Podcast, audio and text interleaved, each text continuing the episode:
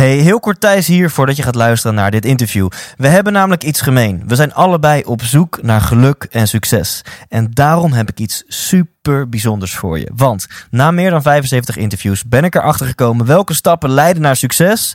Maar ook dat succes heel vaak niet leidt tot geluk. Wat is nu een methode om succesvol te worden en tegelijkertijd gelukkig te zijn? Die ontdek je in mijn e-book Leef Intens 8 lessen na 75 interviews. Dit e-book kun je helemaal kosteloos downloaden op ikwilgeluk.nl. Dus ga nu naar je browser, typ in ikwilgeluk.nl en ontdek een methode om echt gelukkig te worden. Mijn naam is Sabine Uitslag en je luistert naar de 100% Inspiratie Podcast.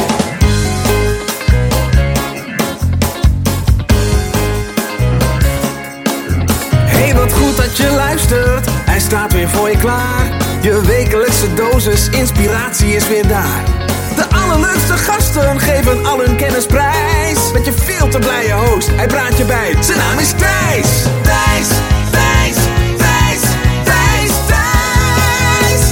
100% Thijs. Ja, 100% welkom bij aflevering 41 van de 100% Inspiratie podcast. In deze aflevering Sabine Uitslag. En wat misschien wel leuk is om te vertellen, Sabine is via via op mijn pad gekomen. Ik had zo het vermoeden dat zij een inspirerend verhaal ging vertellen. En ehm, daarom hebben we afgesproken. Maar je weet het natuurlijk nooit zeker. Dus ik stap mijn autootje in. Ik, ik rij naar het oosten van het land. eh, zet mijn auto op de oprijlaan van haar prachtige woonboerderij. Ik bel aan. En op dat moment weet ik natuurlijk niet of het een, of het een klik gaat worden. Of het een mooi en waardevol interview gaat worden. En ehm, nou ja, ze deed gelukkig open. We schudden elkaar de hand. En toen wist ik snel al. Volgens mij, volgens mij gaat dit een leuk interview worden. En dat, ehm, dat is denk ik een understatement. Eh, ik moest zo snel mogelijk de micro- microfoon aanzetten. Want voordat het interview begon, eh, zei ze al zulke verstandige, intelligente, spirituele eh, dingen. Dat ik denk, oké, dit moet ik opnemen om ook met mijn luisteraars te delen. En, en dat is gelukt. En wat misschien wel leuk is om toe te voegen, daarna stopte ons gesprek niet. Na het interview ben ik daar blijven lunchen. Dus ja, zo zie je maar weer. op het ene moment eh, zit ik in mijn auto af te vragen of het wel een leuk gesprek gaat worden. En het andere moment zit ik in, in huizen, uitslag, uitgebreid te lunchen met haar man die ook aanschoof. En hebben we video's gekeken van Deepak Chopra, van Prince E, van Power of the Heart. En hebben het alleen maar gehad over ja, eh, het onderwerp waar ik en ik denk jij ook zo ontzettend gepassioneerd over ben. Ehm, dus weet je wat, ik moet ook gewoon snel stoppen met praten. Want de dingen die Sabine heeft gezegd, dat is veel waardevoller dan eh, wat ik hier nu aan het doen ben. Ehm, wie is Sabine Uitslag? Eh, ze is 43 lentes jong. Je kent haar waarschijnlijk van het CDA. Ehm, een paar wapenfeiten op een rij. In 2006 is zij verkozen tot beste webpoliticus. In 2010 is zij herkozen als Kamerlid door voorkeursstemmen. Zij was plekje 31 op de lijst, maar... eh, eh, en zoveel zetels waren er niet. Maar omdat zij zoveel voorkeurstemmen had, kreeg zij een plekje in de Kamer. Ja, laat ik het ook maar even delen. In 2010 is zij uitgeroepen tot meest sexy politicus. En wat zij nu doet met haar leven, ja, dat gaat ze in het interview vertellen. Waar gaan we het nog meer over hebben? Sabina deelt twee dingen die aan de basis liggen van haar succes. Ehm, ze deelt ook welke vier dingen. ehm, haar een succesvol en gewild politicus hebben gemaakt. Zij was eh, in mijn ogen eh, absoluut eh, liefhebber van het volk. Vandaar ook die vele voorkeurstemmen. En zij weet dat uiteindelijk heel mooi uit te pluizen en vier dingen te noemen die zij daarvoor wellicht wel anders heeft gedaan dan anderen. Hele concrete tips ga je krijgen om meer vanuit je intuïtie te leven. Met een, een mooie visie ook daarachter van Sabine. Ehm, en weet je wat, laat ik nog een vraag aan je stellen. Stel, de bus komt eraan, maar jij die is pas 100 meter verderop. Wat doe je dan? Sprint je vol achter die bus aan om hem nog te pakken? Of denk je, nou, komt zometeen nog wel een volgende bus, dus ik shock lekker verder? Denk daar maar even over na en in het interview komt, eh, komt dit terug. Last but not least, kerstverse nieuwe on-the-spot vragen stel ik aan haar. En in de outro deel ik eh, wederom mijn Big Five. En ditmaal hou ik me echt aan die Big Five. Dus ga nu zitten, wellicht met pen en papier of met je ogen dicht. Zit er echt even goed voor, want mooie dingen gaan de revue passeren. Hier is Sabine Uitslag. 100% Thijs. Nou, Sabine, Hallo. ik hoor net dat ik alles mag Thijs. vragen. Je mag alles dus dat vragen. zijn wel gevaarlijke dingen als je tegen mij zegt. maar eh, laat ik braaf beginnen. Wat wil je worden als je later groot bent? Eh, wat ik nu ook ben, ik wil gelu- gelukkig blijven. Ja, en mezelf. En eh, dat is wat je altijd al wilde worden en dat ben je geworden. Ja, toen ik in een zandbak in Westerhaar zat, hadden mijn vriendjes en vriendinnetjes, ja, ik wil, piloot worden of politieagent. Of heel veel meisjes ik wil moeder worden. Oh, en ik dacht, ja. wat zal ik nou toch eens worden? Toen dacht ik van nou, ehm, ik was altijd heel altijd in de natuur. Ik zat altijd in bomen te klimmen en eh, was altijd buiten. Dus ik eh, dacht van, nou weet je wat, dan word ik dierenarts. Toen wilde ik dierenarts worden. En eh, toen ik dat ehm, had uitgeprobeerd, want toen was ik een jaar of tien of elf, toen belde ik de plaatselijke dierenarts op. Zo van, nou mag ik eens een keer een dagje met je meelopen? En dat heb ik gedaan en dat vond ik fantastisch. Met mijn gele laarsjes achter op de fiets, helemaal naar Frieseveen heen gereden. En eh, daar een dag meegelopen met de dierenarts. Dat was echt fantastisch. En toen hoorde ik dat ik heel veel moest leren om dat te worden. En toen dacht ik, oh jeetje, leren. Nou ja, goed, dan ben je elf. En dat zie je daar als een berg tegenop. Ja, Inmiddels, ik weet niet hoeveel gedaan. Maar, Ja, ja. eh, en toen dacht ik van, nee, ik ga geen dieren helpen, maar mensen. Toen ben ik verpleegkundige geworden. En ehm, ja, ik, ik denk dat gewoon nu, als ik nu terugkijk, het allerbelangrijkste is dat je moet worden, dat je moet ontdekken wat je hier eigenlijk komt doen op deze aarde. Dat Ja. is de allerbelangrijkste opgave voor ons allemaal. Vaak doen we dingen die we eigenlijk niet zouden moeten worden of zo, en dan word je doodongelukkig. Dus als je gelukkig bent, zit, op je, zit je op je groefje, in je plaats, zeg maar, dan zit je op je weg, dan zit je in de flow, dan lukt alles, en dan ben je gelukkig, en dan zit je op de goede weg. ja. En als je niet in je groefje zit. Dan blijf je ha, ha, ha, ha. Ah, kijk. Ja, En dan moet je telkens weer de fout opnieuw onder ja ogen precies. zien. Dan moet je naald weer goed te opleggen. Ja, precies. Ja. Ja. En de algemene deler is zorgen, hoor ik bij jou. Eerst dacht je voor dieren zorgen en toen dacht je, nou, ik ga voor mensen zorgen. Ja, bij Ja. mij is, voor mij is, je leeft niet alleen, is voor mij echt een, mantra. Ja. ja. Je leeft niet voor Ja. jezelf. Dus Is, is, dat in, is dat jouw missie hier in het leven? Zorgen? Eh, Voor mensen zorgen? Voor mensen, ja, voor de aarde. Gewoon het zorgen om, eh, ja, dat mensen wat, dat je elkaar ziet, echt zien, zeg maar. Daar ben ik heel erg mee bezig. eh. Ja. Dat je gewoon echt iemand ziet. Ik weet nog heel goed van, eh, ik, ik wilde, had bedacht dat ik verpleegkundige wilde worden. Ja. En ik was voor de eerste keer op een stage. En toen vertelde iemand dat ik ook zetpillen moest geven en poep moest gaan opruimen. Toen kreeg ik het heel warm. Toen dacht ik, ja, maar dat is niet de bedoeling. Maar goed, ik heb toch mijn stage gedaan. Ja. En ik zie nog zo dat oude vrouwtje zitten met een dekentje om in een hoek in die kamer, in het ziekenhuis. En ze keek me heel erg aan, echt een beetje beangstigend aan. En ik doe die dekens eh, weg. Nou, ze zat helemaal onder de poep, weet je wel. Nee. En toen dacht ik, en toen kwam er een gevoel in me dat ik aan denk gaan kokhalzen en gaan kotsen. Er zullen ook heel veel mensen zijn die denk ik dat doen.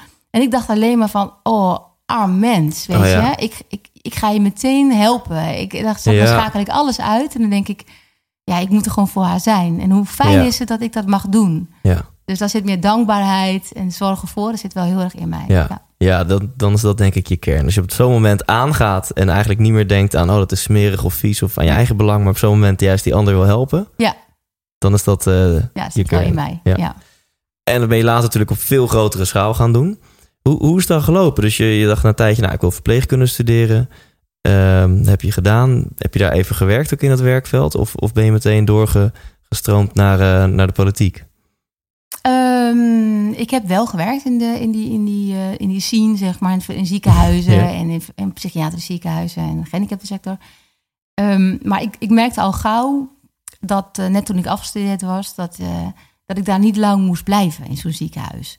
Ik had verpleegkunde gedaan eh, en toen dacht ik, nee, ik moet meteen gaan doorstuderen, want is dit nou, ja, is dit all there is? Toen ben ik verplegingswetenschappen gaan studeren, dat is een onderdeel van gezondheidswetenschap in Maastricht. En toen dacht ik van ja, ik wil meer weten. Ik wil kennis vergaren. Ik wil weten wat erachter zit. Ik wil weten wat achter mijn handelen zit. En dat het ook het beste is. Dus ik was heel erg bezig met. Er moet nog meer zijn in de wereld dan deze eh, theorieën die ik nu allemaal gelezen Ja, heb. En dat was ja. ook zo. Dus ik, er ging een wereld voor mij open. Academisch denken, dat vond ik geweldig. Nou, ik, ik- zo'n ideale leerling die dan inderdaad s'avonds ook doorstudeert. En het echt ook heel leuk vindt. Ja, Verschrikkelijk, hè, ja. De ideale student. Ja, nou echt zo'n spons. Ik wil alles Ja? weten, ik wil Ja. alles snappen. Ik en ben heel nooit, nooit een feestje of een biertje. Oh jawel, oh Ja, joh, precies. schei uit. Genoeg. Genoeg, genoeg. Ja, maar ik had wel zoiets van, god, er moet meer achter zitten. En toen heb ik verpleeg- gezondwetenschappen gedaan, verplegingswetenschap. Toen ben ik teruggekomen in het werkveld, dus inderdaad in het ziekenhuis. En toen kreeg ik een baan aangeboden. Op die afdeling, de longafdeling. Vergeet het nooit weer. En toen dacht ik, oh jeetje. ja, het is wel zekerheid, het is wel fijn. Maar dit moet ik niet doen, want ik ga gewoon binnen drie maanden bemoei ik me met de directie en, en binnen vier maanden met het bestuur van zo'n ziekenhuis, weet je wel. Ja. Dat zit Ja. gewoon heel erg in mij. Ja. Dus er wordt niemand gelukkig van. Eh, mijn collega's in het team niet en de patiënten niet in het ziekenhuis niet. Dus ik ben wel heel erg op zoek gegaan van, ja, maar wie ben ik nou en waar zitten mijn talenten? Ja. En toen ben ik eh, leidinggevende geworden. Toen ben ik eh, directeur geworden. Toen ben ik bestuur gaan, bestuurskunde gaan studeren in de gezondheidszorg. En toen dacht ik, ja, is dit het nou? En toen opeens dacht ik, waar loop ik nou tegenaan? Tegen al die regels waar, ik, waar wij als verpleegkundigen tegenaan lopen en waar we niks mee kunnen. En ik ben geen SP-type. Ik ga niet op het Malieveld roepen dat alles eh, nee is. Mhm. Ik ben meer van, eh, ja, of je houdt je mond of je pakt het aan. Ja. Dus toen dacht ik, ik ga de politiek in. Ja. En toen heb ik ontdekt van dat het CDA zeg maar mijn partij is. Ik heb echt alle programma's uitgedraaid. Dat was een enorme stapel. Daar heb ik nog jarenlang mijn eh, setlist van mijn band op achterop eh, geprint. Een beetje zuinig zijn met papier natuurlijk. Dus op de SGP stond op een gegeven moment de setlist van mijn eh bandje Sipper in die tijd. In een rokerige kroeg destijds nog. Heerlijk. Toen mocht dat nog. En eh, toen dacht ik van ja, dit is het. Dus toen heb ik mij pijlen gericht, gericht op de politiek. En eh, ja, dacht ik, dat ga ik, eh, dat ga ik doen. En Ja. binnen twee jaar was ik Kamerlid. Ja, dat is toch wel zinnig. Ja, maar dat is wel. Ik geloof heel erg dat als jij iets wilt en je hebt iets, je hebt een doel voor ogen, eh, dat je en je focust je daar ook op, dan, dan gebeurt het ook. Ja. Als daar echt je passie ligt. En we hadden het net even over van hè, als je alleen maar blijft visualiseren over die rode Ferrari, dan heb je hem een keer. Toen zei jij van, nou, dat is niet helemaal mijn weg. Nee. En je zegt nu wel, nou ja, als je volledig focust op een doel, dan ga je dat bereiken. Ja. Kun je dat eens toelichten? Ja, dat lijkt. eh, dat, dat, nou, dat is echt wel twee verschillende dingen. Ja. Die Ferrari is voor mijn eigen geluk en voor mijn eigen genoeg. Eh, ik zat daar niet als, als BV-uitslag in de Tweede Kamer. Ik had een soort zorgkantoor om me heen gecreëerd. Mhm. Met allemaal verpleegkundigen en verzorgenden en artsen en mantelzorgers uit heel het land. Die bracht ik samen. Ja. En dan gingen we met ook andere eh, Kamerleden praten over van ja, hoe moet het nu echt anders? Ja. Dus eh, ik voelde me niet van, nou, ik voelde me meer een instrument. En ik, ik had ook echt veel dankbaarheid ervoor dat ik daar mocht zitten, dat mensen me vertrouwden. Of dat ik het nou in mijn eentje eventjes zou maken daar. Ja, dus er is misschien een verschil tussen een, een doel wat, wat, wat alleen maar jouzelf verrijkt en een doel wat, wat groter is dan jijzelf. Ja. En in dat eerste heb jij, nou, daar ben je niet helemaal fan van. En van dat tweede wel. Nou, ik bedoel, ik ben niet vies van een Ferrari. Sterker nog, Nee. ik vind eh, Ja. mooie auto's heel erg, heel erg mooi. Ik kan er ook enorm van genieten. Maar Ja. ik heb nou niet zoiets van als ik geen Ferrari heb eh, in mijn leven, ben ik doodongelukkig. Nee, Nee. er zijn heel veel andere dingen die je heel veel Ja. gelukkiger maken dan een ja, rode toch? Ferrari. Denk ook wel. Dus dat even eh, dat wel gezegd hebben. Maar voor mij is dat niet een doel op zich. Nee. Ehm, geluk en je doel bereiken van waartoe jij hier op aarde bent. Dat klinkt heel zweverig, maar het voelt helemaal niet zo. Mhm. Maar als jij in dat, in dat groefje zit van die plaat die voor jou bestemd is, zeg Ja. maar. Dan, dan lukken ook dingen. Dan Ja. gaat het allemaal veel eh, makkelijker lijkt het. Dan kom je in Ja. flow terecht. En als je dat helemaal doet voor niet alleen jezelf, maar voor een hele grote groep, in mijn geval dan verpleegkundigen, en voor die patiënten, ja, dan heb je ook een gevoel dat je dat, dat doel is veel groter dan jezelf. Ja. En dan dat je daar een klein onderdeel van mag zijn. En dan in, dat, in je eigen groef komt. Nou, dat is echt geweldig om Ja. mee te maken. Dan krijg je vleugels. Ja, en volgens mij is dit een belangrijke factor in jouw succes. Dat je daar heel erg mee bezig bent geweest. Dat je heel erg vaak jezelf de vraag hebt gesteld van... is dit mijn groefje en doe ik nu waarvoor ik hier bestemd ben op aarde... en Ja. krijg ik hier energie van? Ehm, ik hoor eigenlijk twee dingen. Ik wil zo meteen nog heel veel vragen over de Tweede Kamer. Ik ben heel benieuwd hoe het daarom is gegaan... en hoe je jezelf daar zo onwijs populair hebt gemaakt. In elk geval bij het volk. Ehm, maar nog even over dus je, je- de periode dat je aan het studeren was... en dat je eerst verpleger was... en daarna zeg je even tussen neus en lippen door... eh, wilde ik verder en werd ik directeur... en eh, het ging vrij snel omhoog. Volgens mij hoor ik daar nou ook van twee succesfactoren. Eén, je hebt heel hard gewerkt, keihard gestudeerd... en ook die bij het CDA kwam, al die partijprogramma's lezen... gewoon net even dat beste stapje extra doen dan de Ja. rest. En twee, je bent misschien wel geobsedeerd geweest... in het vinden van je eigen geluk. Nou, dat laatste veel minder. Ja, Voor vertel. mij is dat meer een, eh, een, proces wat ontstaan is. Ik ben niet zo van mijn hoofd. Ik denk daar niet over na. Ik voel dat. En eh, voor mij is intuïtie iets eh, wat voor mij altijd een, een hele belangrijke rode draad is geweest in mijn keuzes die ik gemaakt heb van kinds af aan tot nu. En dan kan je niet altijd iedereen uitleggen wat dat is. Dus soms kijken mensen je dan ook heel raar aan als je je intuïtie volgt. Dat is ook doodeng. Want je, Mhm. ja, je kan het niet beredeneren. Ja. En ja, je kan er wel zorgen om maken. Hè? Dat is, Ja. Spinoza heeft het ook over drie typen van, eh, van weten. Hè? Dat is je ratio. En je, of, eh, of, of, of kennis, ehm, ken, je weten, kennis, zeg maar. Je, je intellect, zo heeft hij het mij. Oh, ja. Het is de ratio, het zijn je emoties en het is je intuïtie. Ja. En je hebt ze alle drie nodig. Dus Ja. alle drie is goed. Ja. Ja. Alleen heel vaak laten we ons leiden door de emotie. Van, oh jee, eh, als ik maar genoeg heb. Of als ik maar Ja. niet dit. Of als straks gebeurt er dat. En je verstand kan je ook op, eh, op een gegeven moment op het spoor zetten. Van ja, maar ik moet mijn studie afronden. Ja. Stelde jij, maar ik moet, ja, want dan verdien ik in ieder geval geld. Dan ben ik iemand in de maatschappij. Maar je intuïtie volgen is hartstikke rete spannend. Ja. Want ja, je weet niet altijd waar het uitkomt. Ja. Maar als je wel je doel hebt en je passie, die stip op de horizon, dan laveer je daar op een of andere manier toch naartoe. Ja. Als je je intuïtie maar durft te volgen. Ik, ik wil, iedereen heeft wel eens een moment dat je denkt: oh jee, dat moet ik eigenlijk niet doen. Dat voelt Ja. niet goed. Ja. Maar ik ga het toch doen. Want wat, ja, voor jezelf, voor de samenleving, de, de- alle eisen die aan jou gesteld worden, wat van jou verwacht wordt als je een beetje hersens hebt. Maar toch, eh, dan, dan kom je er toch vaak bedrogen uit. Ja. En als je je intuïtie volgt, zal mensen zeggen: van, ja, maar je bent hartstikke gek. Nou, nou ja, goed, misschien ben ik gek. Maar ik doe wel, ik blijf wel heel dicht bij mezelf. Ja. En dat is, ja, dat is best wel een issue, denk ik, in deze maatschappij. Maar goed, Ja, dus ik laat me niet echt nee, leiden hoor, daar, daardoor. Maar het is wel iets wat bij mij heel erg Ja. speelt. Dus eigenlijk als, als mensen je voor gek verklaren, wat mij niet onbekend in de oren klinkt, dat dacht ik al. dan, ehm, dan de meeste mensen worden onzeker. Sterker nog, de meeste mensen passen zich weer aan in hun omgeving. Daarom zijn de mensen die het meest van jou houden ook vaak de slechtste raadgevers bij belangrijke life decisions. Want ze willen dat je niet verandert hè, en dat je bij hen blijft. Ja, klopt. Natuurlijk ga je wel bij hen blijven, maar je gaat wel veranderen. Eh Ja. Want je wil misschien leukere dingen doen. Ehm wat ook zeggen. Ja, maar als- eigenlijk als mensen zeggen je, eh, ja, je bent gek, dan moet je eigenlijk juist voor jezelf denken: oh, vinkje, ik ben lekker bezig, want ik ben blijkbaar authentiek en Ja. ik doe eh, wat ik zelf leuk vind. Ja, dat klinkt heel van, eh, dat, hoe jij nu zegt, dat klopt. Ik heb het regelmatig in mijn leven meegemaakt, van jongs af aan al. Maar dat voelt niet altijd van vinkje. Dat voelde vaak ook van, oh jee. En dat je ook Ja, veel mensen ik. verdriet doet. Ik, Ja, bedoel, ik heb ook eh, huilende mensen om me heen gehad. In de bepaalde decisions die ik gemaakt heb, zeg maar. Waar niemand iets van snapte. Ik eigenlijk zelf ook niet zo goed. Maar ik wist dat ik hier uit moest. Ja. In relaties bijvoorbeeld. ja, En dan denk je, jeetje, ik heb alles voor elkaar. Het klopt gewoon allemaal. En iedereen zegt ook, ja, dat klopt. Het is fantastisch. En toch voelt het niet goed.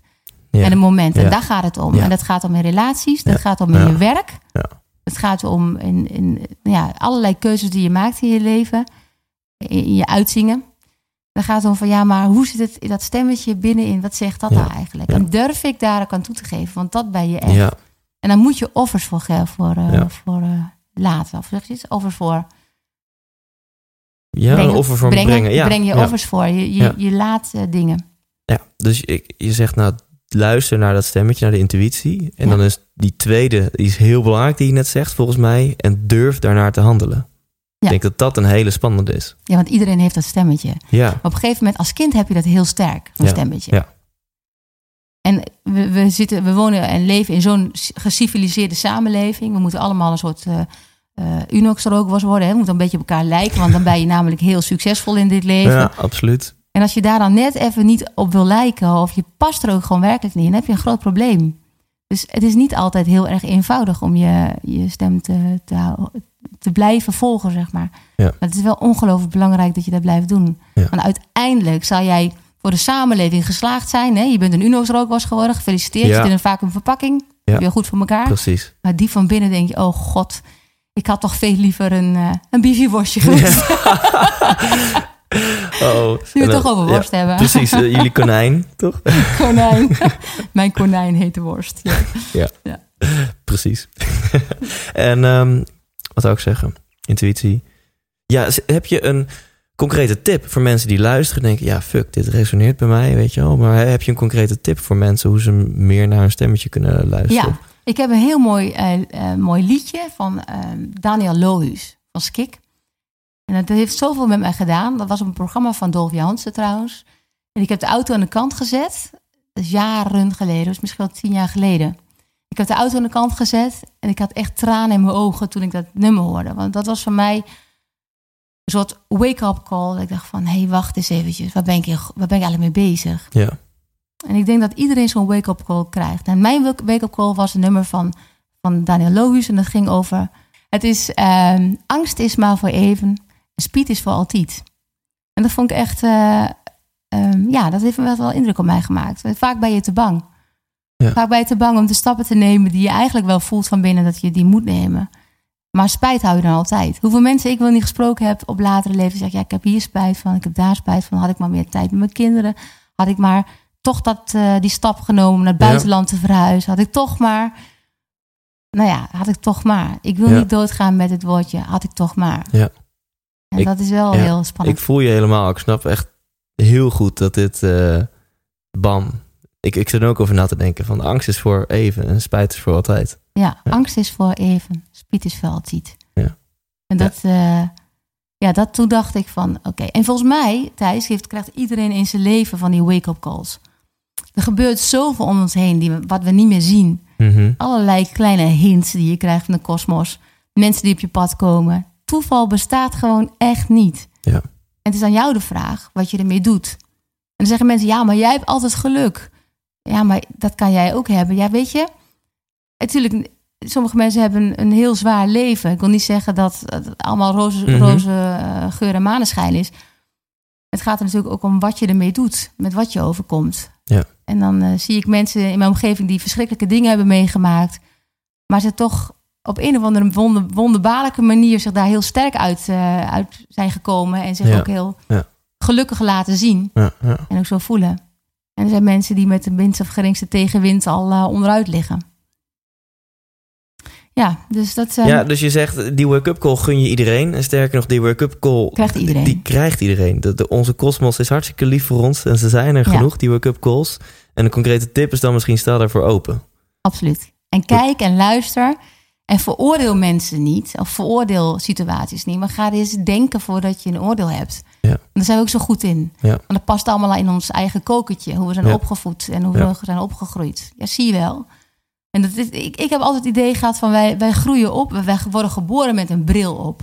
Een soort bril. En dat bril die kleurt naar waar je geboren wordt.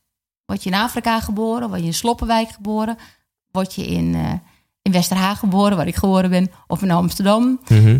in, eh, in Zuid. d- allemaal worden we geboren met de bril op. En de omgeving kleurt die bril. En naarmate je hoger, ouder wordt, kleurt die bril. Je gaat naar school, kleurt die bril. En aan het eind van, of in, in het traject waar je in zit, kleurt het die bril. En we kijken naar een witte ballon. Maar die ballon is wit. De samenleving. Mhm, mhm. Alleen als ik een groene bril op heb, zie ik een groene ballon. Ja. Als jij een rode bril hebt, zie Ja. jij een rode ballon. Ja. En dan ga ik met jou discussiëren dat die ballon toch echt groen is. Dat jij het niet goed ziet. Als we nou eens de moeite nemen om die bril af te zetten, dan zien we met, al, met elkaar dat we het hebben over dezelfde ballon. Nou, dat, die metafoor, dat kwam eens een keertje in me op toen ik s s'nachts wakker werd. Toen dacht ik van ja, dat is eigenlijk iets wat op alles past. Ja. Past op religie, past op politiek, past hoe wij met elkaar omgaan in de samenleving. Als we te blind zijn, dat we niet zien dat wij ook een bril op hebben en iemand veroordelen op basis van hoe wij door ons glaasje heen kijken, maakt ons eigenlijk een heel arm mens. Ja. Hoeveel lef heb je nodig om die bril af te zetten en daadwerkelijk te zien? Dat is wel heel erg ingewikkeld. Je, je bent echt een, een tegeltjesmachine. Er komen echt de Oh. quotes uit je. Die, die ga ik noteren achteraf. Ik heb er nog een. Niet zo charmant dan een, dan een spreukje aan de wand. Dat is van Herman Ah, Vinkers. Ja, kijk, die heb ik niet zelf bedacht. nee, maar dit, Ja, is, en- die- dat vind ik echt... Nou ja, dat is voor mij in ieder geval een, een eye-opener. En als je dat namelijk kunt, maakt het leven ook veel eh, lichter. Ja. Want eh, je moet niet. Het is een bril die gevormd is door je Ja, ouders. Ja, precies. Want je noemt nu zeg maar echt maatschappelijke thema's zoals religie en gewoon hoe in onze maatschappij en politiek en cultuur en zo. Maar ik denk dat je ook bedoelt, die bril geldt ook voor jijzelf, voor je eigen leven. Dat je na een tijdje merkt van ja, maar ik.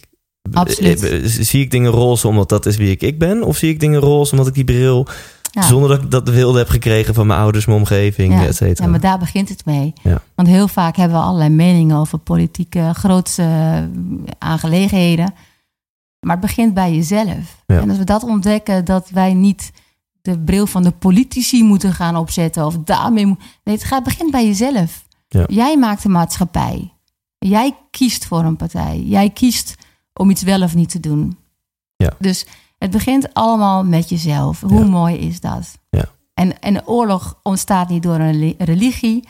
Oorlog wordt gevoerd door mensen. En wie zijn de mensen? Dat ben jij en dat zijn ik, ben ik. Ja. En elke dag dat probeer ik, en dat lukt niet altijd, maar ik kijk in de spiegel en dan vraag ik mij af wat ik heb bijgedragen aan deze samenleving. Ja. Dat vind ik een hele goede gewoonte. Dat leer ik Mhm. mijn kindjes ook. Ja. En dan kijk ik mezelf aan en denk, ja, wat heb ik vandaag dan bijgedragen aan het grote geheel? Nou, dat is helaas toch wel vaak niks, te, Mhm. te, te weinig. Ja, ja.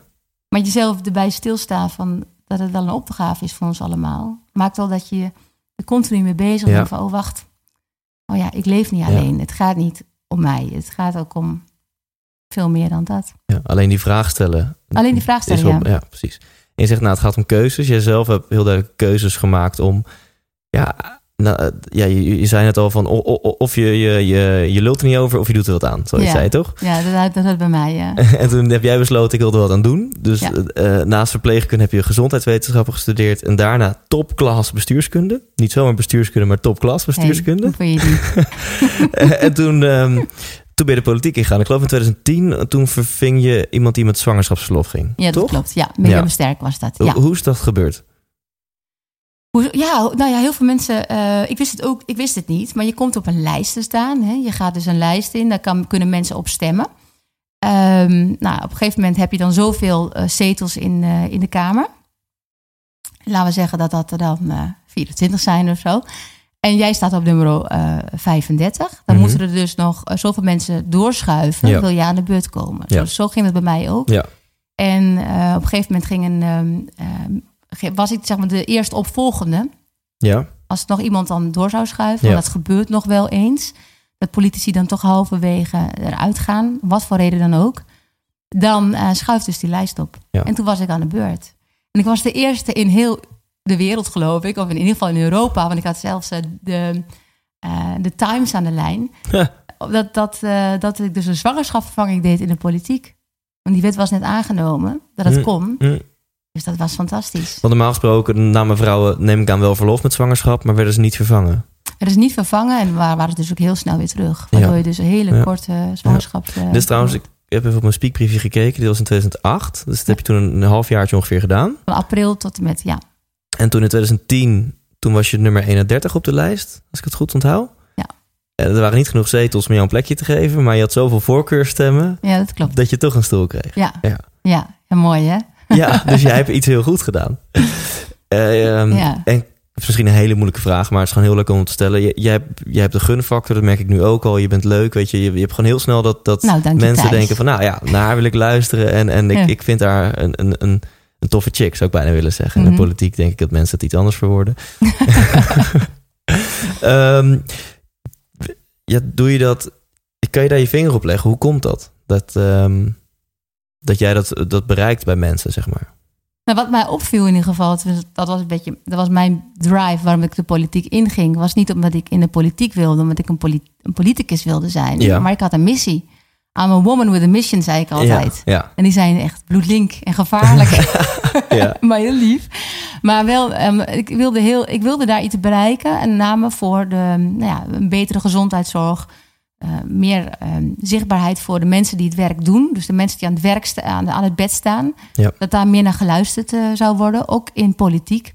Ook in bestuurlijk Nederland. ja. En dat was mijn missie. Dus ik heb bussen vol met verpleegkundigen naar Den Haag gehaald. En ik had Tour de Neus ontwikkeld. Waarbij ik dus ehm, 's maandags en vrijdags echt on tour ging door heel Nederland. Op bezoek naar die verzorgende verpleegkundigen, die helpende in dat ziekenhuis, in die verpleeghuizen. Om het echte verhaal te horen. Wat ik weer kon gebruiken in mijn debatten. Dus ik, en dat, dat, ja, je zegt van, wat doe je dan? Dat zit gewoon oprecht luisteren. Oprecht aandacht hebben voor mensen. Gewoon iemand aankijken en dan echt ook willen weten ja. hoe het zit. En wat anders dan van, ja, ik heb een idee en ik ga bij jou Mhm, even checken of mijn idee klopt. Ja. Hoeveel doen, hoe, vaak doen we dat niet? En als je dat weer naar jezelf vertaalt, even buiten de politiek, Mhm. maar je bent in een discussie. En hoe vaak zijn we dan al niet in ons gedachten bezig met het tegenargument, zonder dat ik echt de moeite neem om naar jou te luisteren? Nou ja, Goed, dan kom je... Ja, wij, wij, natuurlijk niet, maar andere mensen. Wij niet, Thijs. Maar andere mensen. nee, maar het valt me gewoon Ja. heel erg op. Dat, Ja, dat, wat je zegt, maar wat is dan de kracht? Ja, ik, ik probeerde en ik heb echt mijn best gedaan om naar de mensen te luisteren en dat Ja. te vertalen in de politiek. En ik zei ook altijd, in het debat neem ik dat stuk mee. Dus luister naar het debat, dan neem ik dat mee. En ik wil van de minister of van de staatssecretaris dat dit geregeld wordt. ja. En vaak zijn dat kleine dingetjes waar mensen echt mee zitten. Mhm. Ik denk al een hele grootse. Nou ja, die, die, ja, die wereld, ja, die moet veranderen, maar je moet wel ergens beginnen. ja, ja. Dus ik was ook wel tevreden met kleine stapjes. Ja. Waarbij ik ook de mensen zelf het gevoel wilde geven van eh, jij doet het toe. Ik zit hier nou wel en ik mag het verhaal voor jou vertellen. Maar dat kan jij ook. ja. Je? Het, het gaat niet om mij, het gaat om jou. Het gaat om dat jij positie krijgt in die instelling. Het gaat erom dat jij in gesprek gaat met die bestuurder. Ja. Ik kan niet meer mijn best gaan doen, maar als jij niet het lef hebt om uit je comfortzone naar boven te stappen en zeggen: bestuurder, we moeten het anders doen, ja, dan gaat het niet lukken. We moeten het samen doen. Ja. En dat was mijn verhaal. En ehm, ja, omdat ik niet zo eh, graag op het plus wilde zitten, maar veel meer mijn verhaal wilde vertellen, eh, ja, had ik ook niet zoiets van: oh jee, weet je, angstvallig eh, vasthouden. En ja, nee, ik, ik had echt een missie. Ja, Ik heb een missie ja, uitgevoerd. Ja, ja nee, je zegt volgens mij je zegt drie hele verstandige dingen. Je had een missie, woman on a mission. Die zijn misschien nog wel gevaarlijker dan mannen op een missie. Ja, dat zijn ze. En, ja. Ja. en twee, eh, als je wel je, je feminine side blijft ownen, zeg maar. Ben ik van overtuigd. Dus je hebt ook soms vrouwen die willen iets te masculien worden om het doelen te bereiken. Nee, volgens nee, mij moet je juist in je vrouwelijke energie Helemaal blijven. mee eens, Thijs. Ja. Ehm, tof. Eh, twee, je zei luisteren. Dat, dat is wat je niet deed eh, met een verborgen agenda, maar, om- maar omdat je echt anderen wilde horen. Ja. En drie, je zei hoe je, je doelen waren torenhoog. Ja. Ehm, maar je wist dat het met kleine stapjes moest beginnen. Dus je nam ook genoegen met kleine babystapjes. ja. Nou, dat ja, en ook. verbinden. Want Ja. ik, eh, wat, ik- kijk, een wet is natuurlijk een eh, laatste redmiddel. Want eigenlijk willen we geen wetten, toch? Eigenlijk wil het gewoon oplossen in de samenleving. Dat is mijn missie. Mhm. Dus ik wilde niet zo graag een wetswijziging, maar ik wilde graag dat mensen in die samenleving elkaar zouden vinden. Ja. En dat die met elkaar het gesprek aan zouden gaan, echt luisteren en een oplossing zouden vinden, heel dicht bij de probleem, het Ja. probleem of bij eh, de situatie. Ja. En dat, eh, eh, nou, met, met bijvoorbeeld muziek, is jouw passie en mijn passie ook, hè, muziek, dat, komt, dat klinkt ook overal door. Ehm, met muziek is het ook zo gegaan. Van, het ging over hoorschade, wat natuurlijk echt een groot probleem is. Met al die dance, muziek en Mhm. jongeren die echt op hun dertigste geen normaal gesprek meer kunnen voeren. Omdat ze te dicht bij de box hebben gestaan. Elk weekend en dan Mhm. drie dagen lang. Dus we hebben gezegd, we moeten iets met die dB's. Ja. Maar ja, dan kan je zeggen, we gaan een wet opleggen met 85 dB. En harder mag het niet. Ik weet niet of jij weet hoeveel 85 Ja, dB is is. dan kan je geen een feestje bouwen. thee, Kan eh, je- ja, schenken, ja. Dus ja, hoe, hoe, maar hoe, hoe zorgen we nou dat we toch die verantwoordelijkheid leggen bij de in- muziekindustrie, bij de poppodia, bij de muzikanten, bij de geluidstechnici. En dat we, dat we toch met elkaar een oplossing gaan verzinnen. Nou. Daar is een convenant uitgekomen. Weet je? Dus ik, Ja. al die mensen zit ik aan, de- aan de tafel. Want dat is dan mooi als je Kamerlid bent. Iedereen komt.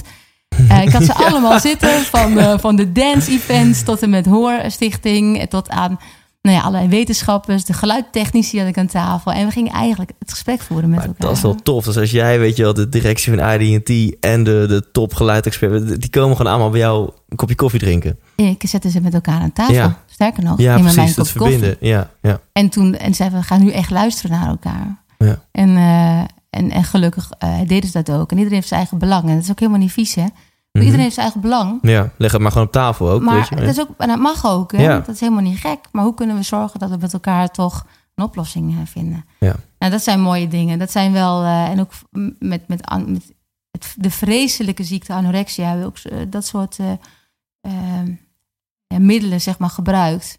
om vaders en moeders anorexia-patiënten zelf, ex-anorexia-patiënten, de, de hulpverlening, Ja, die ook een totaal eigen pad had.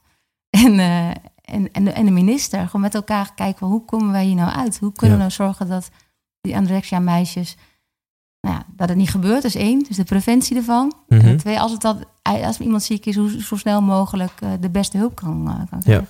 Maar met elkaar in gesprek. Dus dat is eigenlijk, volgende punt, Ja. punt vier is dan van... Ehm, oh ja, ik ben ook heel... Dat- eh, nee, maar dat is helemaal goed. ja, Ja, want, vier is eh, dan dat je inderdaad ook eh, de verbinding Ja, mensen. bedoel, Je kan heel kort en krachtig zijn, maar als mensen het verhaal eromheen niet weten, dan weten ze ook niet. Nee. Dat is veel krachtiger. Ehm, Ik zit even, ik, even hard op na te denken, want ik heb nog 600 vragen die ik aan je wil stellen. Oh, maar we nou, moeten zo meteen ook gaan, gaan afronden. Oh, ik zei, oh ja, hoe lang was al lang bezig? Nou, we zijn nu ongeveer een half uurtje bezig. Hm. Ehm, ja, laten we het hebben. Je bent gestopt met politiek na een tijdje. Toen heb je gezegd van, eh, ik stel me niet meer verkiesbaar op of zo. Ik weet niet hoe ik dat goed zeg. Ja, zo zeg ik dat. Ehm, waarom? En wat ben je daarna gaan doen? Waarom? Dat, dat komt weer die intuïtie. Want ik had eh, vijf jaar eh, ben ik politicus geweest. Daarvoor twee jaar bij het Wetenschappelijk Instituut bij Ab Klink. Ook eh, vanuit de, ja, schuurde behoorlijk tegen politiek aan natuurlijk. En in die vijf jaar heb ik drie kabinetten meegemaakt. En toen dacht ik, nou, dat, nu heb ik, eh, nogmaals, mijn doel was niet politicus zijn en op een zetel blijven zitten. Nee, ik had een missie. Er zijn een aantal punten heb ik eh, bereikt. En ik merkte ook dat ik een soort van heimwee kreeg naar die praktijk. Gewoon eh, voor de troepen aan, weet je wel. Mhm. Met elkaar iets gaan bereiken. Eh, in het bestuur of eh, je eigen club. Nieuwe vormen van zorg. Dat, dat merkte ik gewoon dat ik dat heel erg miste. Dat het ook heel erg in mij zit. Ik ben een ondernemende bestuurder, kom ik achter. En eh, niet alleen maar eh, de wetten wijzigen en de discussies aan, maar ik wilde ook daadwerkelijk iets creëren. Ja. En dat duurt het iets, gaat het iets sneller Ja. dan in de Kamer. Dus toen, eh, toen ehm, nou ja, het kabinet viel, dan kom je weer bij je, bij, je, bij je voorzitter en bij je fractievoorzitter. En dan moet je een gesprek doen en dan zeggen ze, nou, je krijgt rood, stop maar. Je krijgt oranje, nou ja, ja. En je krijgt groen, we willen graag dat je doorgaat. Dus bij mij was het groen. En ik kan natuurlijk veel voorkeurstemmen ook. En ze wilden graag dat ik doorging. En dan is de bedoeling dat je weer opnieuw solliciteert Ja, bij je bestuur van je, van je partij. Maar ik had die sollicitatiebrief nooit af. En dat vond ik heel raar. Ah, oké. Ja. Vond ik raar. Ja. En ehm, toen heb ik er echt een weekend over gedacht. Van, ja, maar word ik daar nou warm van? En dan kom je op zo'n punt, Thijs, Ja. dat je dus je intuïtie volgt en Ja. niet je verstand. Ja, Of je emotie. Ja. En je emotie zegt van wauw, ik krijg alles voor elkaar. Wat ik allemaal vertelde net. Iedereen komt. Een rode lopertje. Fantastisch. Bla bla. Je verstand zegt wauw, ik zit nu eindelijk hier. eh, we gaan eens eventjes lekker doortrekken. Hè, met onze plannen. Ja. En, eh, ja. maar mijn intuïtie zei van... Nee, dat, dit, dit is niet meer jouw weg. Je moet... De volgende fase dient zich aan, zeg Ja, maar. ja. En ga dat maar eens uitleggen aan een journalist. Dan was er zo niet uit te leggen. Dus ik heb maar... Ik denk, hoe ga ik dit nou uitleggen? Nou, ja dat is zo. ja, heb ik ook gezegd. Ik zeg, ik krijg er geen twinkeling meer van in mijn ogen. Super mooi. Ja, dat is toch wel het Ja. belangrijkste. Hoe gaan journalisten daarmee om? Dus kijk, kijk, ik zit helemaal te stuiteren op een stoel als je dat zegt. Maar Ja. journalisten vinden dat misschien geen bevredigend antwoord. Nee, nee sommigen die hadden zoiets van, er zit toch iets achter, weet je wel. Dat dat natuurlijk helemaal niet zo is. En, de anderen die zeggen, ja... Maar het viel me eigenlijk ook nog wel mee. Ja. Eh, de meeste mensen die eh, op een of andere manier... Ik ben natuurlijk sowieso best wel een vreemde in, eh, in Ja. het hele politieke verhaal. Dus ze hadden dit ook wel van mij verwacht. Je denk kan hem ik. ook terugleggen bij zo'n journalist. Nou, ik zie bij jou ook niet echt een twinkeling. Is dit wel echt wat jij wil doen? Nou ja, dat is dus wat ik tegenwoordig doe. Ja. Ik sta dus voor grote groepen nu. En dan gaat het over bijvoorbeeld laatst eh, over eh, de patiënt. Van hoe, hoe patiënt, dat we nu echt naar die patiënt luisteren. En dat, de- dat de patiënt vaak heel goed weet wat hij wil en wat hij nodig heeft. En soms ook niet. Ja. Dan moet je er zijn. Hè? Ja. Maar dat we veel meer samen met die patiënt de patiëntenreis moeten gaan maken. Ja. In plaats van dat wij als, als, als arts zeggen van, maar dit, dit is goed voor u mevrouwtje. En ehm, toen sprak ik die hele die zaal allemaal uitgenodigd om hier een pep talk over te geven. En van jongens, we Ja. moeten naar een En nieuwe in, in welke rol geef je het praatje? Is het gewoon als vanuit eh, jezelf? moderator. Maar dat, niet, niet, je wordt niet ingehuurd omdat Ja, jij ergens ik- voorzitter of wat dan ook bent. Nee, gewoon nee, op jouw persoonlijke titel word je gevraagd om als moderator. Ja. En eh dan ging ik over, van, nou, nou, we willen toch eh, luisteren naar die patiënt. Dat iedereen, ja, natuurlijk willen we ook. Ik zeg dan, zeg maar, hoe zitten jullie hier eigenlijk? En toen werd het stil. Dus als jij de patiënt wil gaan leren, of de cliënt wil gaan leren, is het tegenwoordig. De cliënt wil gaan leren van, hoe pak jij je eigen leven op? Hoe ga je zorgen dat je de boel weer op orde krijgt? Dat je je financiën weer op orde krijgt? Dat je elke ochtend opstaat? En dat je niet hele dagen in je, met je luie reet in bed blijft liggen? Dat is wat jij de patiënt dan gaat aanleren, toch? Ja, dat klopt. Dat. Zeg maar, hoe zit jij je dan? Word jij ook nog steeds fluitend wakker en fiets je met halleluja gezang naar je werk van fantastisch, ik mag weer een dag. Ja, ja. Dus toen doken er een aantal weg. Ja, Ja, weet je, daar begint het wel. Als jij iemand wil vertellen hoe hij zijn leven of zij zijn leven moet inrichten, dan gaat het ook om dat jij dit zelf ook op orde hebt. Hè? Ja. Je kan niet iemand vertellen dat hij van zichzelf moet houden als je niet van jezelf houdt. Ja. De clichés uh, allemaal. ja maar amen. maar het eh, blijft wel het ja. geval. Ja. Dus ook in, in je werk als hulpverlener, als ehm, bestuurder van een instelling.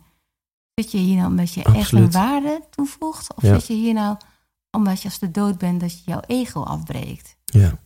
Nou, daar ben ik op dit moment denk ik, boeiend. Zo. Ja, ik heel boeiend. En dit vind ik heel stoer dat je dit durft te zeggen tegen een zaal. Want dan weet je wel dat, ehm, dan heb je ze wel. Voel je aan, Ja. toch? Jij doet het ook. Ja. Jij spreekt Ja. ook voor zalen. Ja. Je voelt, Ja. ik, als verpleegkundige heb ik een soort snorkel op mijn hoofd. Dan zit ik in mijn zaal. Ja, ja, En ik voel precies van, oh, wacht even. Ja, je wordt echt een soort van hypersensitief als je voor een groep staat. Ja. Mooi is Dan, dat, eh, hè? Ja, Cadeautjes zijn dat. En, en daarnaast ben ik eh, voorzitter geworden van een eh, kleine vereniging. Van huid- en uitdeemtherapeuten. ja. En ik hoor zo Ed Nijpels nog tegen me zeggen... Sabine, je moet niet te snel, je moet goed nadenken wat je doet. En eh er komt van alles op je af. En ik heb nou iets gekozen wat heel dicht bij mij ligt. Waar ik echt warm van werd. En niet omdat het nou zo'n enorm grote organisatie is. Kijk eens hoe groot die van mij is. Hè? Maar omdat ik daar alles kan doen waar ik in geloof. ja. En ja, dat is gewoon zo fantastisch. En dat doe ik nu bijna vier jaar. Als voorzitter. Ja, dus misschien is het wel... eh ze willen dat ik nog een paar jaartjes blijf. Ik had Ja. gezegd, vier jaar ga ik niet volhouden. Dus ik ben maar weer... Ik, ik, ik zet mijn onderbuik dan open en dan ga ik Gek. voelen. En, Ja, maar wat eh, wil je nog meer, weet je wel? Als je zegt, ik kan alles doen waarin ik geloof. Maar dat kan iedereen, hè? Iedereen Ja. die luistert nu ook. Ook al Ja. denk je soms van... Ik bedoel, het lijkt wel halleluja. Maar ik heb... Jij zei twee dingen. Luister naar je intuïtie en de level hebben. En hard werken. Ja. En dat harde werken, dat is echt onderdeel. En dat zie ik soms wel eens om me heen, dat mensen dat vergeten. Als er een bus eh, stond, was ik degene die keihard naar die bus rende. En me- een meerderdeel van mijn, van mijn eh, vriendjes en vriendinnetjes, die schokten erachteraan. Die zeiden, pak de volgende bus wel. Ja. Ik was altijd, altijd harder. Ja. Ik heb echt kei en keihard gewerkt. Ja. Eh, iedereen zei, ja, maar dat kan jij niet. Nou, let maar eens op. Elke avond, ik doe... Het is me niet aankomen waaien. Nee. Het is niet zo van, nou... Nee, ik ben niet met drie eh, gouden lepels in de mond geboren. Zelfs met geen halve. Mhm, Eh mhm. Zelfs nog geen kruimelgoud. Maar het gaat erom van, eh, als je de power en de kracht in jezelf eh, ontdekt... en daar ook echt iets voor wil doen... dan komt toch die offers Ja. die je moet leveren. Ja. Dat komt echt niet vanzelf. Ja, ja. Maar iedereen kan het. Ja. Het zijn de keuzes die je maakt. En dit, dit vind ik heerlijk dat je dit zegt. Want dat is, dit is zo ontzettend waar. Het komt niet aanwaaien. Eh, je moet er hard voor werken. Ehm, eh, het gaat niet zonder confrontatie aangaan met jezelf. Het gaat echt niet zonder tranen, zonder moeilijke dingen, zonder tig keer uit je comfortzone gaan. Absoluut. Maar als je dat allemaal doet vanuit je intuïtie en het klopt, het is Ja. allemaal, hoe zeg je dat zo mooi? eh ehm fuck, heb ook lazig bij kantoor heel vaak. Dan kunnen we even stopzetten, dan komen we zo terug. Had ik net ook. Oh ja. Synchroniciteit. Tik, tik, tik, tik. bedoel Ja, je. zo zou je het ook kunnen noemen. Dat het allemaal eh, congruent. Dat woord. Congruent, ja. dat woord, congruent. ja. ja. En dit was ook mijn laatste vraag. Vond ik heel leuk dat je dit zei uit jezelf al. Mijn laatste vraag was inderdaad omdat... Nou, die kan ik nog steeds wel stellen. Dat hard werken, denk jij dat komt vanzelf als je helemaal in dus congruent bent en je pad hebt gevonden? Of zeg je van nee, je pad vinden is één en daarna hard werken, dat is...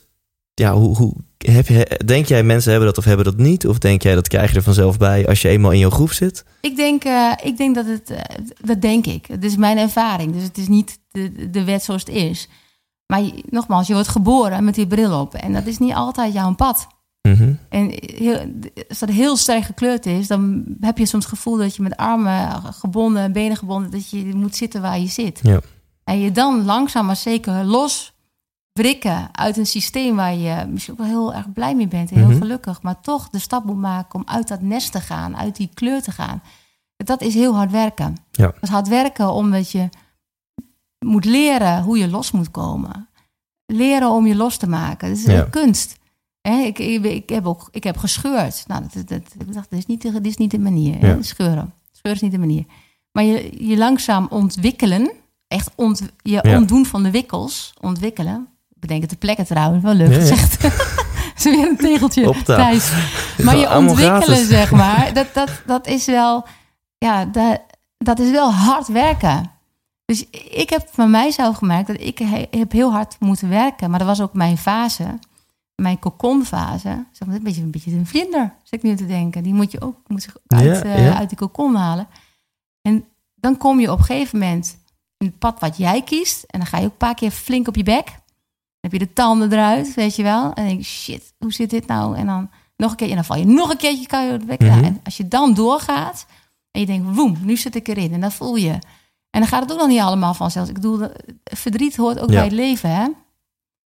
Dus, eh, maar het gaat wel omdat je je hart volgt en dat je je pad Ja. volgt. En als je dan doodgaat, dat je dan zegt, maar ik heb in ieder geval alles Precies. uitgehaald wat erin zit. Mooi.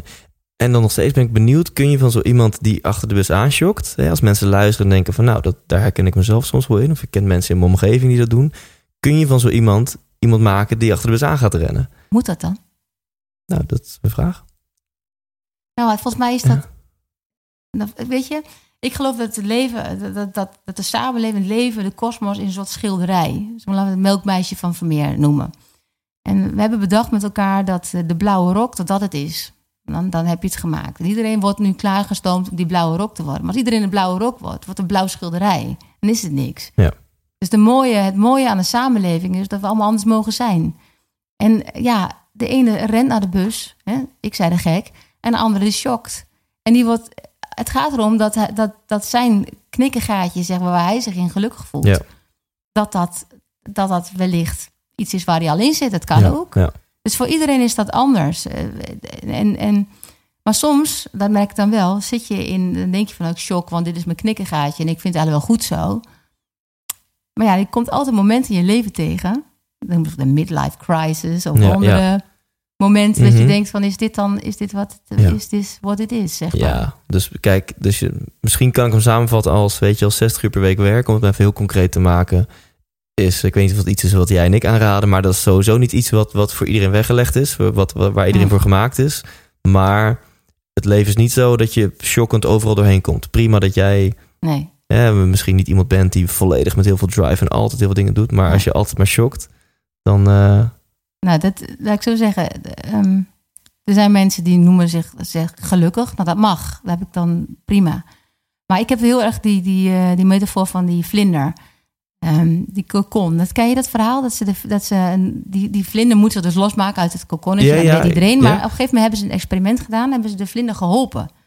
Want het is wel best wel Ah, zielig. Ken je ja, dat? nee, maar ik vind het nu Nou, al interessant super, experiment. superleuk. Ja, En toen hebben ze de vlinder eh, hebben ze opengeknipt. Zo van, nou ja, weet je, gegeven. Ja, of die niet zo te struggelen. Ja. En die ging dus dood.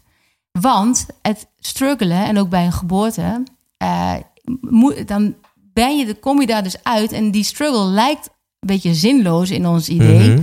Maar die is wel zeker belangrijk. Want die struggle maakt namelijk dat de sappen door die vleugeltjes heen worden geperst. Die anders zonder weerstand niet, niet gebeurt. Dus doordat dat die struggle is, maakt hij zichzelf klaar om naar buiten te gaan. Nou, ik vind het zo'n mooie metafoor. Zonder struggle, je hebt soms je hebt struggle nodig om die vlinder te kunnen worden. ja. En ja, voor iedereen is dat weer anders. De ene noemt het een struggle, die andere zegt van ja, nou ja, het hoort te be. ja. Dus dat is alweer, dat is weer een, een opvatting hoe je een struggle opvat. Maar ja, het metafoor die staat wel. Waanzinnig. Ik ben dan weer, weer benieuwd, als je de vlinder nog moeilijker maakt, wordt het dan een nog krachtigere vlinder? Ja, maar heb je wel eens goed naar een vlinder gekeken? Echt oprecht. Nou, ik ben wel eens in Costa Rica in zo'n vlindertuin geweest, waarbij ze zo'n beetje live voor je neus kon zien ontpoppen. Maar heb je wel eens naar een dagbouwoogje of een, een witje gekeken? Nee, vertel. Je toch veel in de natuur met je... Ja. Doe dat eens. Maar je ziet hoe ongelooflijk mooi zo'n vlinder is. En dat zijn allemaal anders. En volgens mij nemen we ook meer, niet meer de moeite van hoe mooi iets kan zijn. Het moet altijd meer of Ja. groter of worden. Volgens mij zien wij nog niet goed wat er eigenlijk allemaal is. En dan word ik heel vaag geloof ik aan het eind. Hè? Maar ik ben daar echt van Prima, overtuigd. is prima. Van dat, dat je, er gebeurt zoveel om je heen. Maar we zijn zo druk dat we op een gegeven moment niet meer zien dat de vlinders op onze schoenen zitten. Maar we zitten alleen Ja. maar naar voren. En we plannen dit en Ja. dat en dat. Alleen maar druk maken. Maar stil, echt stilstaan. En gewoon eens opnemen Ja. van wat het, hoe mooi de natuur, hè, wat, jij, die, wat, je, wat jij ook omarmt, hoe mooi het is. Een blaadje. Ja, dus Ja. Doen achterlijk een zweefteven, een Mhm. blaadje. Kijk. Nee, maar neem eens de moeite. Kijk Ja, eens ja, hoe ja. ongelooflijk fantastisch dat is. Het is allemaal gratis. Allemaal voor niks. tof. We zien hoe we ermee omgaan. Nou, ik vind het helemaal niet zo vaag. Ik vind hem eigenlijk heel concreet. En ik zoek naar geregeld de natuur op. ja. En ik moet toe- toegeven dat ik vaak omhoog en omheen kijk van oh mooi, maar het dat ik nooit naar de kleine dingetjes kijk. Dus dat ga ik de volgende keer Moet je doen. doen. Dat, Ja, ja, dat is echt geweldig. En dan nu naar heel, heel concreet, want ik ga je onder spot zetten. Oké. Oh. Ehm, ik vind het super spannend, want dit is eh, helemaal nieuw. Met dank aan mijn luisteraars, die hebben nieuwe vragen ingestuurd. dus jij bent de aller, allereerste gast van Oh, ja. 2017 die deze nieuwe vraag krijgt. Het is een tegenstelling. Sommige zijn leuk, sommige zijn eh, vervelend, sommige zijn moeilijk. En de bedoeling Oh, ja. is dat je na, naar je intuïtie gaat en eigenlijk gewoon, ook al zeg je verstand of je emotie, nee, nou gewoon zeggen wat En je mag ik er wel ook een, een verklaring bij geven Mag, of niet? ja. Dat mag. Komt-ie. TV of Netflix? Netflix. Stad of dorp? Beide. Mag dat ook beide? Nee, dorp. Ja, het, het- ik vind het wel interessant, want we zitten hier, eh, nou, zo zacht gezegd, niet echt in de stad. We zijn Nee. hier bij jou thuis. En toch twijfel ik, hè? Ja, ja.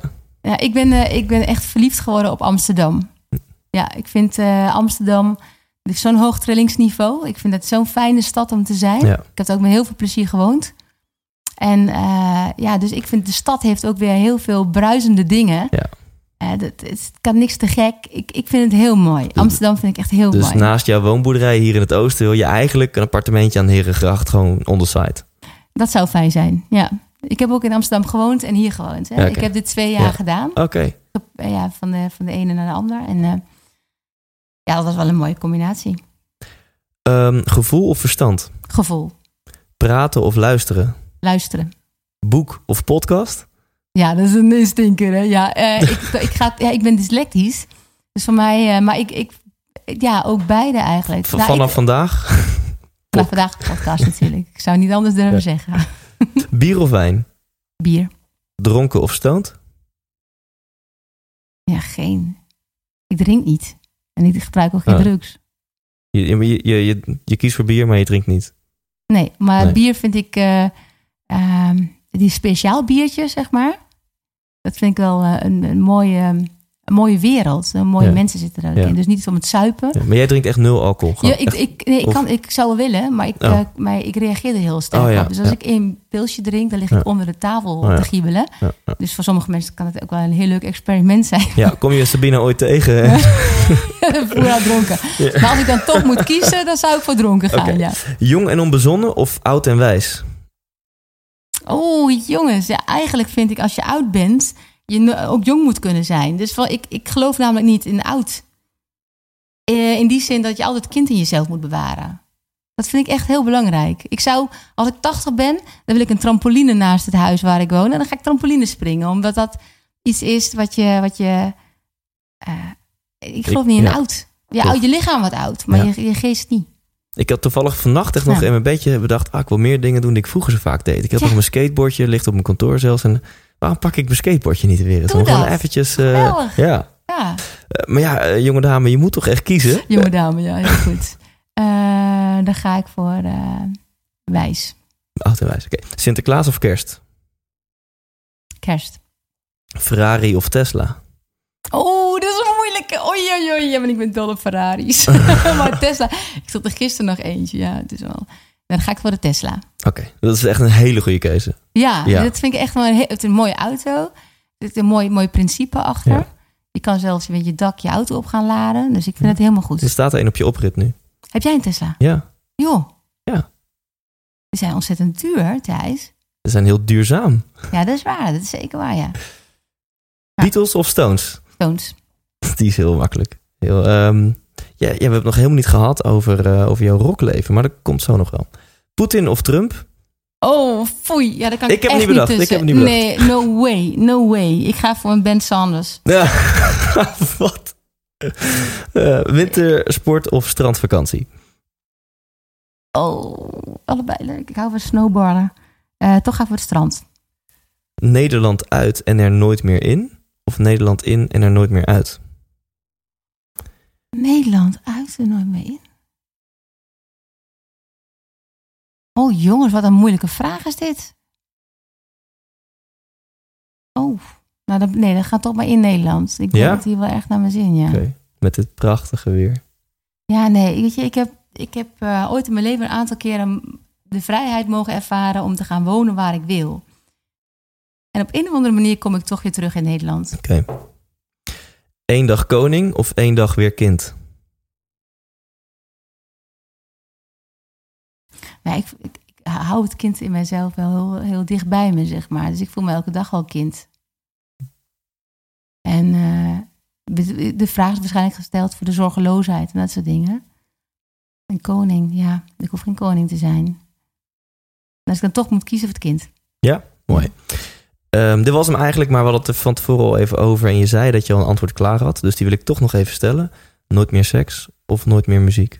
Oeh, ja, die is echt super ingewikkeld. Maar voor mij is muziek net als seks. Dus eigenlijk als ik dan voor het een of het ander kies, dan... we even een liedje aanzetten? dan is het- Nee, ik heb ooit, we hebben één nummer in het repertoire. Dat is Lotta Love van eh, Led Zeppelin. Dat is mijn favoriete nummer. Mhm. En als je dat likje begint, ta-ta, ta-ta, ta-ta, ta-ta, nou, dat is gewoon pure seks. Dat vind ik echt. En dan zeg ik, nou, oud CDA mag het eigenlijk niet, maar het is wel gewoon pure seks. Ja. Klaar. Ja, En, en dat is ook een beetje wat je, dat muziek, eh, alle muurtjes die je opbouwt in je dagelijks leven, daar ga je gewoon dwars doorheen. Goede muziek knalt daar doorheen. ja. En dat vind ik Led Zeppelin, vind ik daar Tof. een heel mooi voorbeeld van.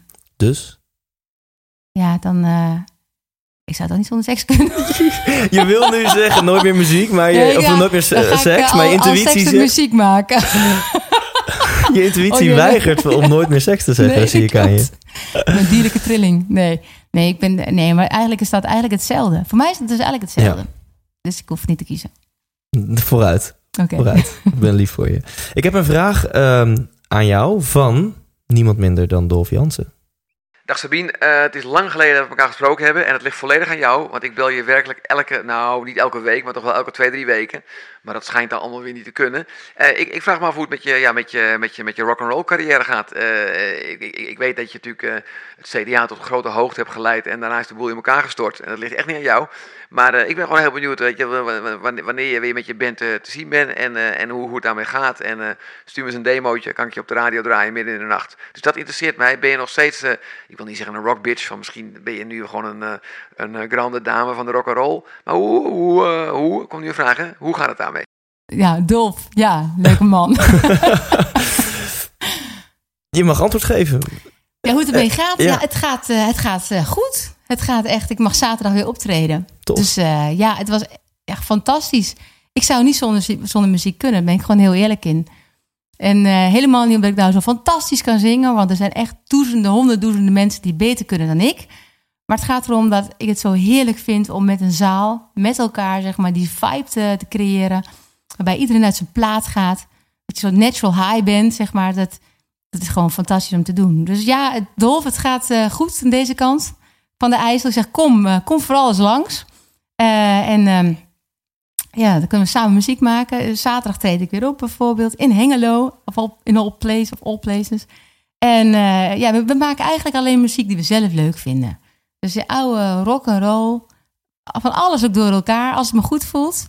En ja, niet meer elke week. Dat deed ik wel. Echt elke week. Soms twee keer in het weekend. Ja, en dan dus door de week in Den Haag. Nou, dat, eh, dat gaat niet meer. Ik heb ook eh, twee kindjes en een eh, man die het op een gegeven moment dan ook wel heeft gezien. Een beetje in balans in zien te vinden. Maar één keer in de zes weken, één keer in de vier weken sta ik nog steeds op het podium. Ja, Tof. En neem je volgende keer op als Dolf belt? wat zeg je? Neem je volgende keer op als Dolf belt? Ja, als hij belt, dan ga ik zeker opnemen. Ik zal hem wel eventjes een appje sturen. Dit is veel te leuk, dit soort persoonlijke vragen. Dus ik heb de kandidaat voor volgende week nog niet bekend. Dus dan mag je die vraag inspreken als die, eh, diegene bekend is. Ja, is goed. Tot slot is er een vraag die ik had moeten stellen, maar die ik nog niet gesteld heb. Oeh, nee, volgens mij heb je mij echt het. eh, volgens mij heb je echt alles, alles gevraagd wat, je, wat ik eh, zou willen vertellen. En wat ik niet wil vertellen, heb je ook niet gevraagd. Dus dat komt Oh, goed want, uit. want wat is dat? Nee, maar geen geintje. Nee, Cool, geen geheim. Nee, volgens mij. eh, dankjewel. jij bedankt, hartstikke leuk. Tot. 100% wijs! Ja, bedankt weer voor het luisteren. En ben je benieuwd naar mijn top 5? Hier komt ie. Allereerste, ehm ze heeft er tussen neus en lippen door dat ze op de 11e ging meelopen met de, eh, de dierenwinkel of de, de dierenarts. En dat vind ik al heel tof. Dat is zo ontzettend actiegericht dat je op zo'n jonge leeftijd denkt dat je iets wil worden. En dat je initiatief neemt om ook mee te gaan lopen met iemand die dat beroep al heeft. En in haar geval kwam ze erachter dat dat er niet voor haar ging worden. Ehm, maar dat geeft denk ik al wel aan dat ze op heel jonge leeftijd gewoon die actiegerichte, eh, eh, ondernemende instelling er bij haar altijd al in zat. Eh, tweede, dat zij keihard heeft gewerkt met de juiste focus. Eigenlijk die twee dingen, hard werken, eh, achter die bus aan rennen om die metafoor weer erbij te pakken. En continu gefocust op wat wil ik? Weet je het komt niet vanzelf. Wat, wat wil ik? Waar, waar wil ik naartoe met het leven? Wat is mijn missie? Uh, wat heb ik hier te doen op, uh, op deze aardbol? En die vraag continu aan zichzelf stellen, dat heeft ervoor gezorgd dat ze een aantal afslagen heeft genomen. En telkens weer de juiste afslag in de richting van, van wat zij wil doen in dit leven en welke toegevoegde waarde zij wil leveren. Op nummertje drie hebben we een interview ook even over gehad. Zij oont haar vrouwelijke energie. Zij is een, een woman on a mission. En daar ben ik heilig van overtuigd. Als, als je als vrouw je vrouwelijke energie oont, dan ga je veel meer bereiken dan een, een man die zijn mannelijke energie oont. En ga je zeker meer bereiken dan een vrouw die, die in, in masculine energie probeert te stappen om, om succesvol te zijn in het leven, in haar carrière. Uh, puntje 4 vind ik een hele mooie, die wake-up call. Uiteindelijk kun je zoveel boeken lezen, seminars bezoeken, mijn podcast luisteren. Uiteindelijk gaat het om die wake-up call voor jou. Die komt uit de kosmos, die, die, die, die komt zelfs genoeg voorbij. Sta daarvoor open en um, dan merk je wel wat die voor jou is. Tot slot, een mooie uh, uh, de nummertje 5. Angst is voor even, spijt is voor altijd. Die, die resoneerde bij mij. Die uh, mag wat mij op een tegeltje. Angst is voor even, spijt is voor altijd. Dat zijn mijn Big Five uit dit interview. Ik ben benieuwd wat die van jou zijn. Volgende week weer een nieuwe kandidaat. Wie dat is, hou ik nog even geheim.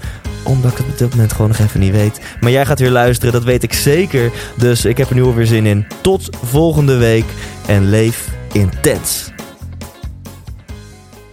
Hey, Thijs hier nog even heel kort. Als je dit interview hebt geluisterd, dan ben je net zo'n gelukstijgertje als ik. En dan is er maar één ding wat je nu het allerbeste kunt doen. Namelijk gaan naar ikwilgeluk.nl, want daar download je helemaal kosteloos mijn e-book en ontdek je wat wel en niet gelukkig maakt. Oftewel, bespaar jezelf een hele hoop ellende van het zelf proberen uit te vogelen en ga nu naar ikwilgeluk.nl.